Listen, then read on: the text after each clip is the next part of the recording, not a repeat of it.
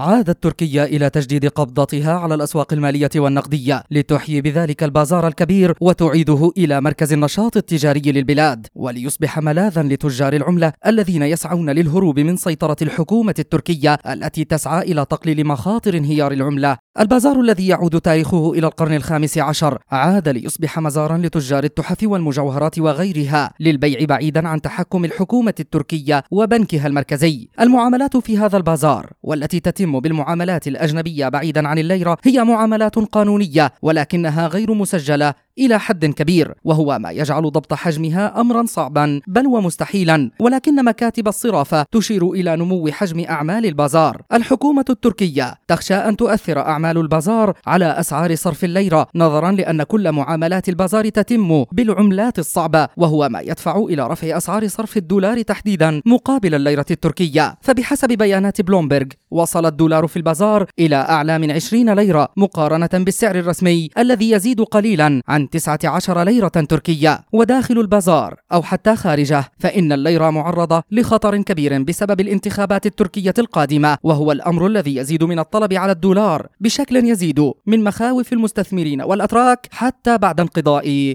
الانتخابات. مجد النوري لشبكة أجيال الإذاعية.